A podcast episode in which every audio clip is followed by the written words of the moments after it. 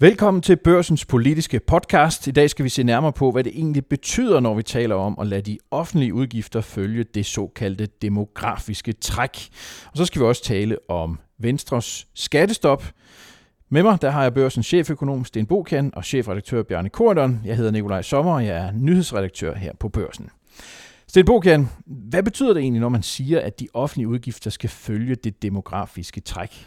Jamen, så betyder det, at man lader de offentlige udgifter stige, når befolkningen bliver større, og vægter det altså vel og mærket efter, hvad det er for nogle befolkningsgrupper, der vokser. Det vil sige, hvis der kommer flere ældre, jamen så vil der være nogle udgifter knyttet til det, som stiger, og øh, jamen så, øh, hvis man beregner det demografiske træk, så får man et tal for, hvor meget de offentlige udgifter skal stige, sådan rent mekanisk, for at øh, leve op til den befolkningsmæssige udvikling. Der ligger ikke som sådan antagelser om nogle former for ændret adfærd i den offentlige sektor, forbedringer og produktivitetsgevinster. Det er en ren mekanisk beregning, hvor man ser på, hvad koster en ekstra ældre, eller for den sags skyld en øh, færre i folkeskolen, eller hvad det måtte være for nogle befolkningsmæssige forskydninger, der gør sig gældende over de kommende år. Mm. Det her demografiske træk, hvad betyder der det politisk? Ja, der er også en kort version. Øh, altså, det, er jo, det er jo prisen for, øh, øh, hvis alle skal have det samme, øh, og det koster det samme, som det plejer øh, jamen så er der et demografisk træk, hvis demografien ændrer sig. Det er jo den, det er jo den korte version af det. Men børsen skriver så onsdag øh, en historie om, at det at løfte udgifterne til de ældre og til de helt små børn, det faktisk koster for nogle af, af de unge, den øh, aldersgruppen mellem 7 til 17 år i, står faktisk Selvom man løfter øh, det demografiske øh, træk, eller løfter de offentlige udgifter med 0,65 for at følge det demografiske træk, så koster det 4 milliarder for den her aldersgruppe. Sten Bogen, prøv lige at forklare, hvad er det, det handler om det her? Jamen det er jo ikke, fordi det koster noget, at man løfter de ældre. Det er jo bare et spørgsmål om, at der bliver færre i aldersgruppen øh, 7-17 år, og så skal man jo mekanisk bruge færre penge, hvis man øh, mener, at det demografiske træk skal være en styringsværktøj. Og det vil sige, så skal man skære ned på de områder, som øh, øh, der er offentlige udgifter knyttet til for den befolkningsgruppe. Og det betyder konkret, at der vil være færre udgifter til de, øh, sådan dem, der er i folkeskolen, måske i gymnasiet.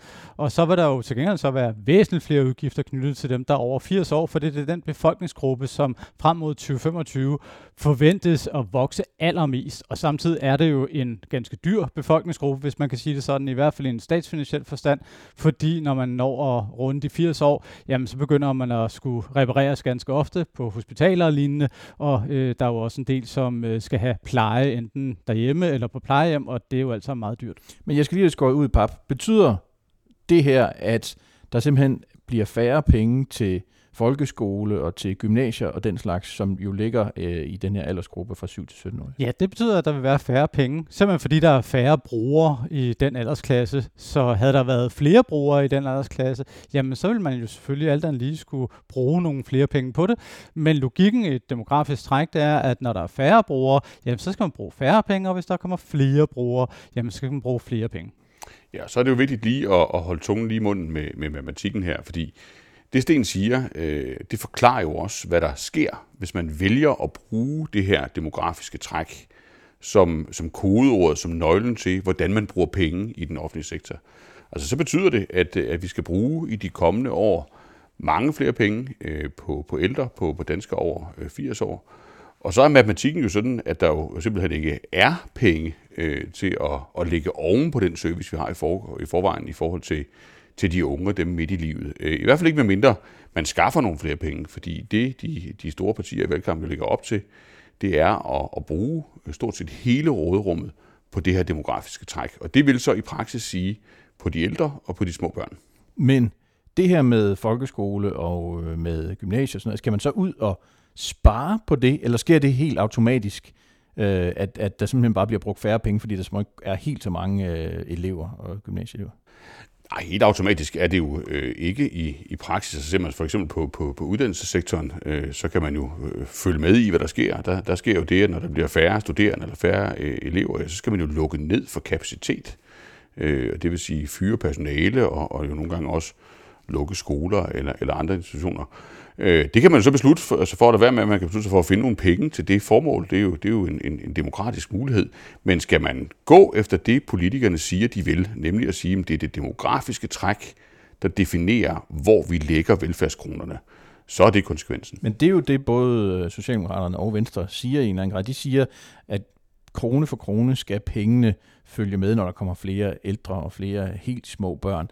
Men jeg skal lige have det skåret ud, pap. Betyder det, at de så skal ud og og, og, øh, og spare, altså fremlægge politik, hvor man sparer på, på for eksempel folkeskolen, for at det her hænger sammen, det regnestykke? Jeg tror, man skal høre meget, meget omhyggeligt efter, hvad de, de siger, øh, når, når de kommer med deres meldinger om, om det her demografiske træk, og de er jo, de er jo ret omhyggelige med ikke at sige, at det sådan er sektor for sektor, område for område, men at det er det, det, er det samlede tal, de vil lade, lade følge med der er der jo bare brug for, at man så som, som vælger eller borger kigger ned under motorhjelmen, og det vi, det vi har forsøgt at, at gøre her på, på børsen. Og der må man jo bare sige, at regnestykket er ret enkelt. Altså hvis man skal leve op til det løfte over for de ældre, jamen så har det også nogle konsekvenser for de unge. Og det er dybest set bare det, vi lægger frem i vores avis i dag. Prøv lige at uddybe det, øh, Stenbogen. Altså hvis man skal leve over, op til det, man vil over for de ældre, hvad er det, man skal leve op til? Jamen man kan jo sige, at øh, befolkningsudviklingen tilsiger, at der skal bruges rigtig mange flere penge på de ældre, især dem, der er over 80 år. Og det vil sige, hvis man i stedet for øh, signalerer, at øh, man gerne vil styrke uddannelsessystemet eller andre dele af den offentlige sektor, jamen så er der jo så tilsvarende færre penge at bruge på de ældre og dermed så vil man jo rent faktisk ikke leve op til det demografiske træk, der er i forhold til ældrepleje og i forhold til sygehuse. Og derfor så kan man sige, at det der meget vel kan blive tilfældet her, det er, at øh, specielt måske den ældre befolkningsgruppe får stillet noget i udsigt, som de realiteten nok aldrig får. Øh, det vil ikke usandsynligt være sådan, at politikerne, når det kommer til stykket, på ingen måde har tænkt sig at leve op til det demografiske træk andet end på overfladen, andet end de her 0,65. Fordi når vi kommer ned i, så at sige, den konkrete udmyndning på forskellige områder, jamen så vil der jo være en lang række politiske hensyn at tage, og i øvrigt så ligger mange af de her prioriteringsdiskussioner jo slet ikke på Christiansborg. De ligger jo rent faktisk ude i kommunerne. Altså eksempelvis folkeskolen er jo ikke noget, som øh, Christiansborg som sådan øh, bestemmer over. Og det vil sige, øh, det her det vil ikke være noget, som øh, matematisk vil gå op, men det er jo det, indtryk, vi får, når vi følger øh, landspolitikerne men, men kan man, kan man skære det til sådan, at man kan sige, at hvis de ældre skal have det, som, øh, som Gordon han sagde i starten, nemlig med, at de skal have den samme service, øh, som de har i dag. Øh, til den samme pris. Til den samme pris.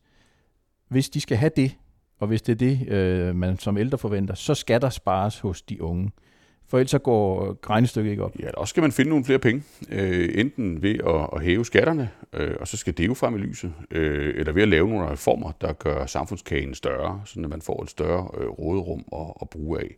Så enkelt er regnestykket. Så inden for de 0,65 i vækst i offentlig forbrug, som vi taler så meget om, der er det så enten at give de ældre det, som, øh, som de har nu øh, i, til den samme pris, eller også så skal der, så skal der skæres eller så skal man forøge kagen ved at finde penge. Ja, eller så er der jo den tredje mulighed, som i virkeligheden måske er den vigtigste mulighed, som øh, politikerne er en lille smule varsomme med at snakke om, nemlig at øh, vi skal gøre den offentlige sektor mere produktiv, vi skal gøre den mere effektiv, og det er jo i virkeligheden den sådan på lang bane rigtige vej til at få mere ud af vores velfærdskroner, jamen det er en bedre indretning af den offentlige sektor, og derved så kan man jo reelt set godt hæve serviceniveauet, uden at der nødvendigvis skal tilføres krone for krone, det som det demografiske træk tilsiger.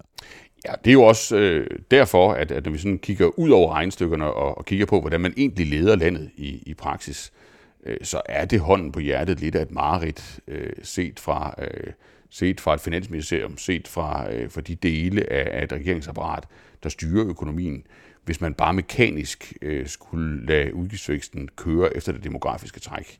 Fordi det gør det vanskeligere at sætte den her dagsorden om at blive mere produktiv, om at få mere for kronerne, og også om at prioritere pengene til det, man nogle gange synes er vigtigst. Og det kunne jo meget vel være uddannelse i de kommende år, hvis man kigger på, på samfundsudviklingen lidt mere bredt. Godt. Vi springer til et andet emne, nemlig øh, Venstre og skattestoppet. Øh, Lars Løkke Rasmussen han har sagt, at Venstre endnu en gang, kan man sige, går til valg på på øh, skattestoppet, øh, noget man har kendt siden øh, Anders Fogh Rasmussens tid øh, som statsminister.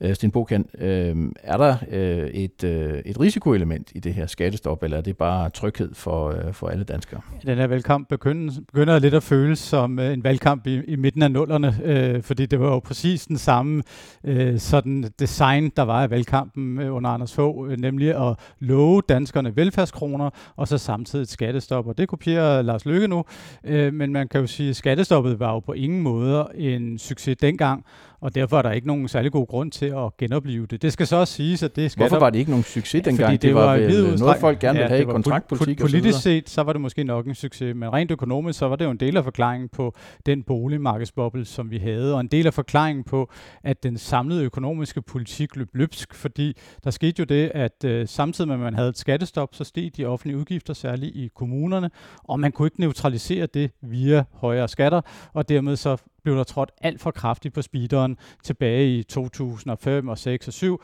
og det var en del af forklaringen på den efterfølgende krise, som vi fik. Man kan sige, at det skattestop, vi snakker nu, fratager så boligerne, fordi i virkeligheden er det jo ikke et skattestop ala øh, Anders Fogh Rasmussen, fordi boligerne er holdt udenfor, og dermed er risikoen for, at det bliver sådan en konjunkturel fælde lidt mindre, fordi vi får nu en boligskat, som følger prisudviklingen på ejerboligmarkedet. Men omvendt, så må vi sige, hvis vi skal til at lave nogle større øh, ændringer i skatte- og afgiftsstrukturen, som følger den grønne omstilling, eller som følger noget, som vi ikke lige kan forudsige lige nu, fordi vi ikke kender til det, jamen så vil det jo blive vanskeligt gjort af, at man har et skattestop, selvom man i sådan parentes nederst i det her skattestop, Venstre lancerer, nævner, at man godt måske kan øh, ændre på nogle grønne afgifter. Men, men er, det, er det ikke bare en meget økonomagtig tilgang? Altså er der ikke også en politisk værdi i en kontraktpolitik, som man kaldte det i nullerne, altså at sige, jamen altså I kan stole på, at vi ikke bare sætter skatten op i, øh, i hen over natten, som man talte om øh, i Nordland, kan jeg huske. Altså, nu, har, nu har økonomer jo også ytringsfrihed, øh, heldigvis, og, og det at få en, en økonomisk vurdering øh, af, hvad der, hvad der eventuelt kommer til at ske, så man kan tage den i betragtning, tror jeg er en meget god idé. Øh, altså det, Øh, Øh, sidste gang skete der jo nogle ting som følge af, af, af skattestoppet. Det må man jo bare nøgternt se i øjnene havde konsekvenser for stort set alle danskere. Øh, det vil sige de vælgere, der nu tager stilling. Men jeg tror, hvis man kigger politisk på skattestoppet, og, og ikke kun nationaløkonomisk, så tror jeg, man må sige, at, at dets slagkraft den her gang er formentlig øh, en, en anden og mindre end sidste gang. Og det skyldes jo simpelthen, at, øh, at boligejerne jo ikke garanteret noget som helst med det her. Øh, i, I skyggen af det skattestop, vi nu hører om, øh, Øh, og den diskussion, der er om skat i, valg, i valgkampen, jamen der er jo det faktum, at stort set alle partier på Christiansborg har vedtaget at være parat til at hæve boligskatterne for ganske mange øh, boligejere, i det mindste i de store øh, byer. Øh, og det snakker man ikke om, for det har man allerede aftalt. Og så har man kløgtigt også aftalt først at lade det træde i kraft, efter at, øh, efter at der er stemt. Øh, så det er i hvert fald vigtigt at, at holde sig for øje, når man vurderer skattestoppet i den her udgave. Men Venstres kampagne er jo allerede nu indrettet på, at de siger skattestop, og de, de siger så øh, samtidig, at, at, at Socialdemokraterne er lige med skattehop, som jeg husker deres kampagne. Mm. Øh, bider den på øh, vælgerne øh, i den her valgkamp? Ja, det, det tror jeg er, er, er tidligt at vurdere. Øh, jeg vil nok være lidt skeptisk. Altså, de har jo en pointe. Øh, Socialdemokratiet ligger op til faktisk at hæve øh, visse skatter, for eksempel på, på arv øh, for dem med, med relativt store formuer, og også andre skatter. Øh, som Venstre vil, vil holde fast. Så, så pointen er jo klar nok. Men jeg tror politisk, hvis man vurderer øh, sådan slagkraften i det skattestop, Anders Fogh Rasmussen brugte til at blive, blive genvalgt flere gange, så var det jo det her spørgsmål om boligskatterne, der for alvor bed på Socialdemokraterne. Og her har man altså aftalt bredt med Socialdemokraterne, øh, at, at boligskatterne, dem hæver man øh, for ganske mange danskere. Og de små borgerlige partier, der, der før øh, virkelig gjorde det her med, med, med boligskatterne til en, en mærkesag, øh, ja, de sidder jo pænt øh, og, og følger med, og, og er en del af den her aftale, og har så fået nogle ministerposter til gengæld. Øh, så, så det er jo det spil, der udfordrer sig, uden at vælgerne rigtig kan kigge med, fordi det nævnes stort set ikke i valgkampen. Ja, man kan sige, at, at netop det ved, at boligskatten er holdt ude af, så, så bliver det en lidt anden diskussion. Og i virkeligheden kan man sige, når man så også holder de grønne afgifter ud af, som Venstre i hvert fald delvis gør, så er det næsten ikke et skattestop, der er tilbage. Øh, fordi man kan sige, det er jo nok de afgifter, som man mest relevant kunne komme i tanke om at skulle hæve over de kommende år, fordi man har behov for at øh, håndtere den her øh, grønne omstilling øh, frem mod 2030, hvor vi jo har nogle sådan meget konkrete mål for, for vores øh, grønne omstilling. Så på den led, så øh, tror jeg heller ikke, at det her kommer til at have samme politiske gennemslagskraft, fordi det simpelthen dybest set ikke er et lige så øh, klart skattestop, øh, som det var tilbage under, under Anders Fogh Rasmussen. Og heldigvis for det, øh, fordi skattestoppet er i hvert fald set fra en økonomisk stol ikke en lykkelig løsning. I en verden, der hele tiden kræver omstillingsparathed og tilpasningsevne, jamen så er det jo en mærkelig ting at låse et skattesystem fast på det niveau, det nu engang har på et eller andet tilfældigt tidspunkt, hvor vi holder en, en, et folketingsvalg. Og, og derfor så øh, er det bedre at bevare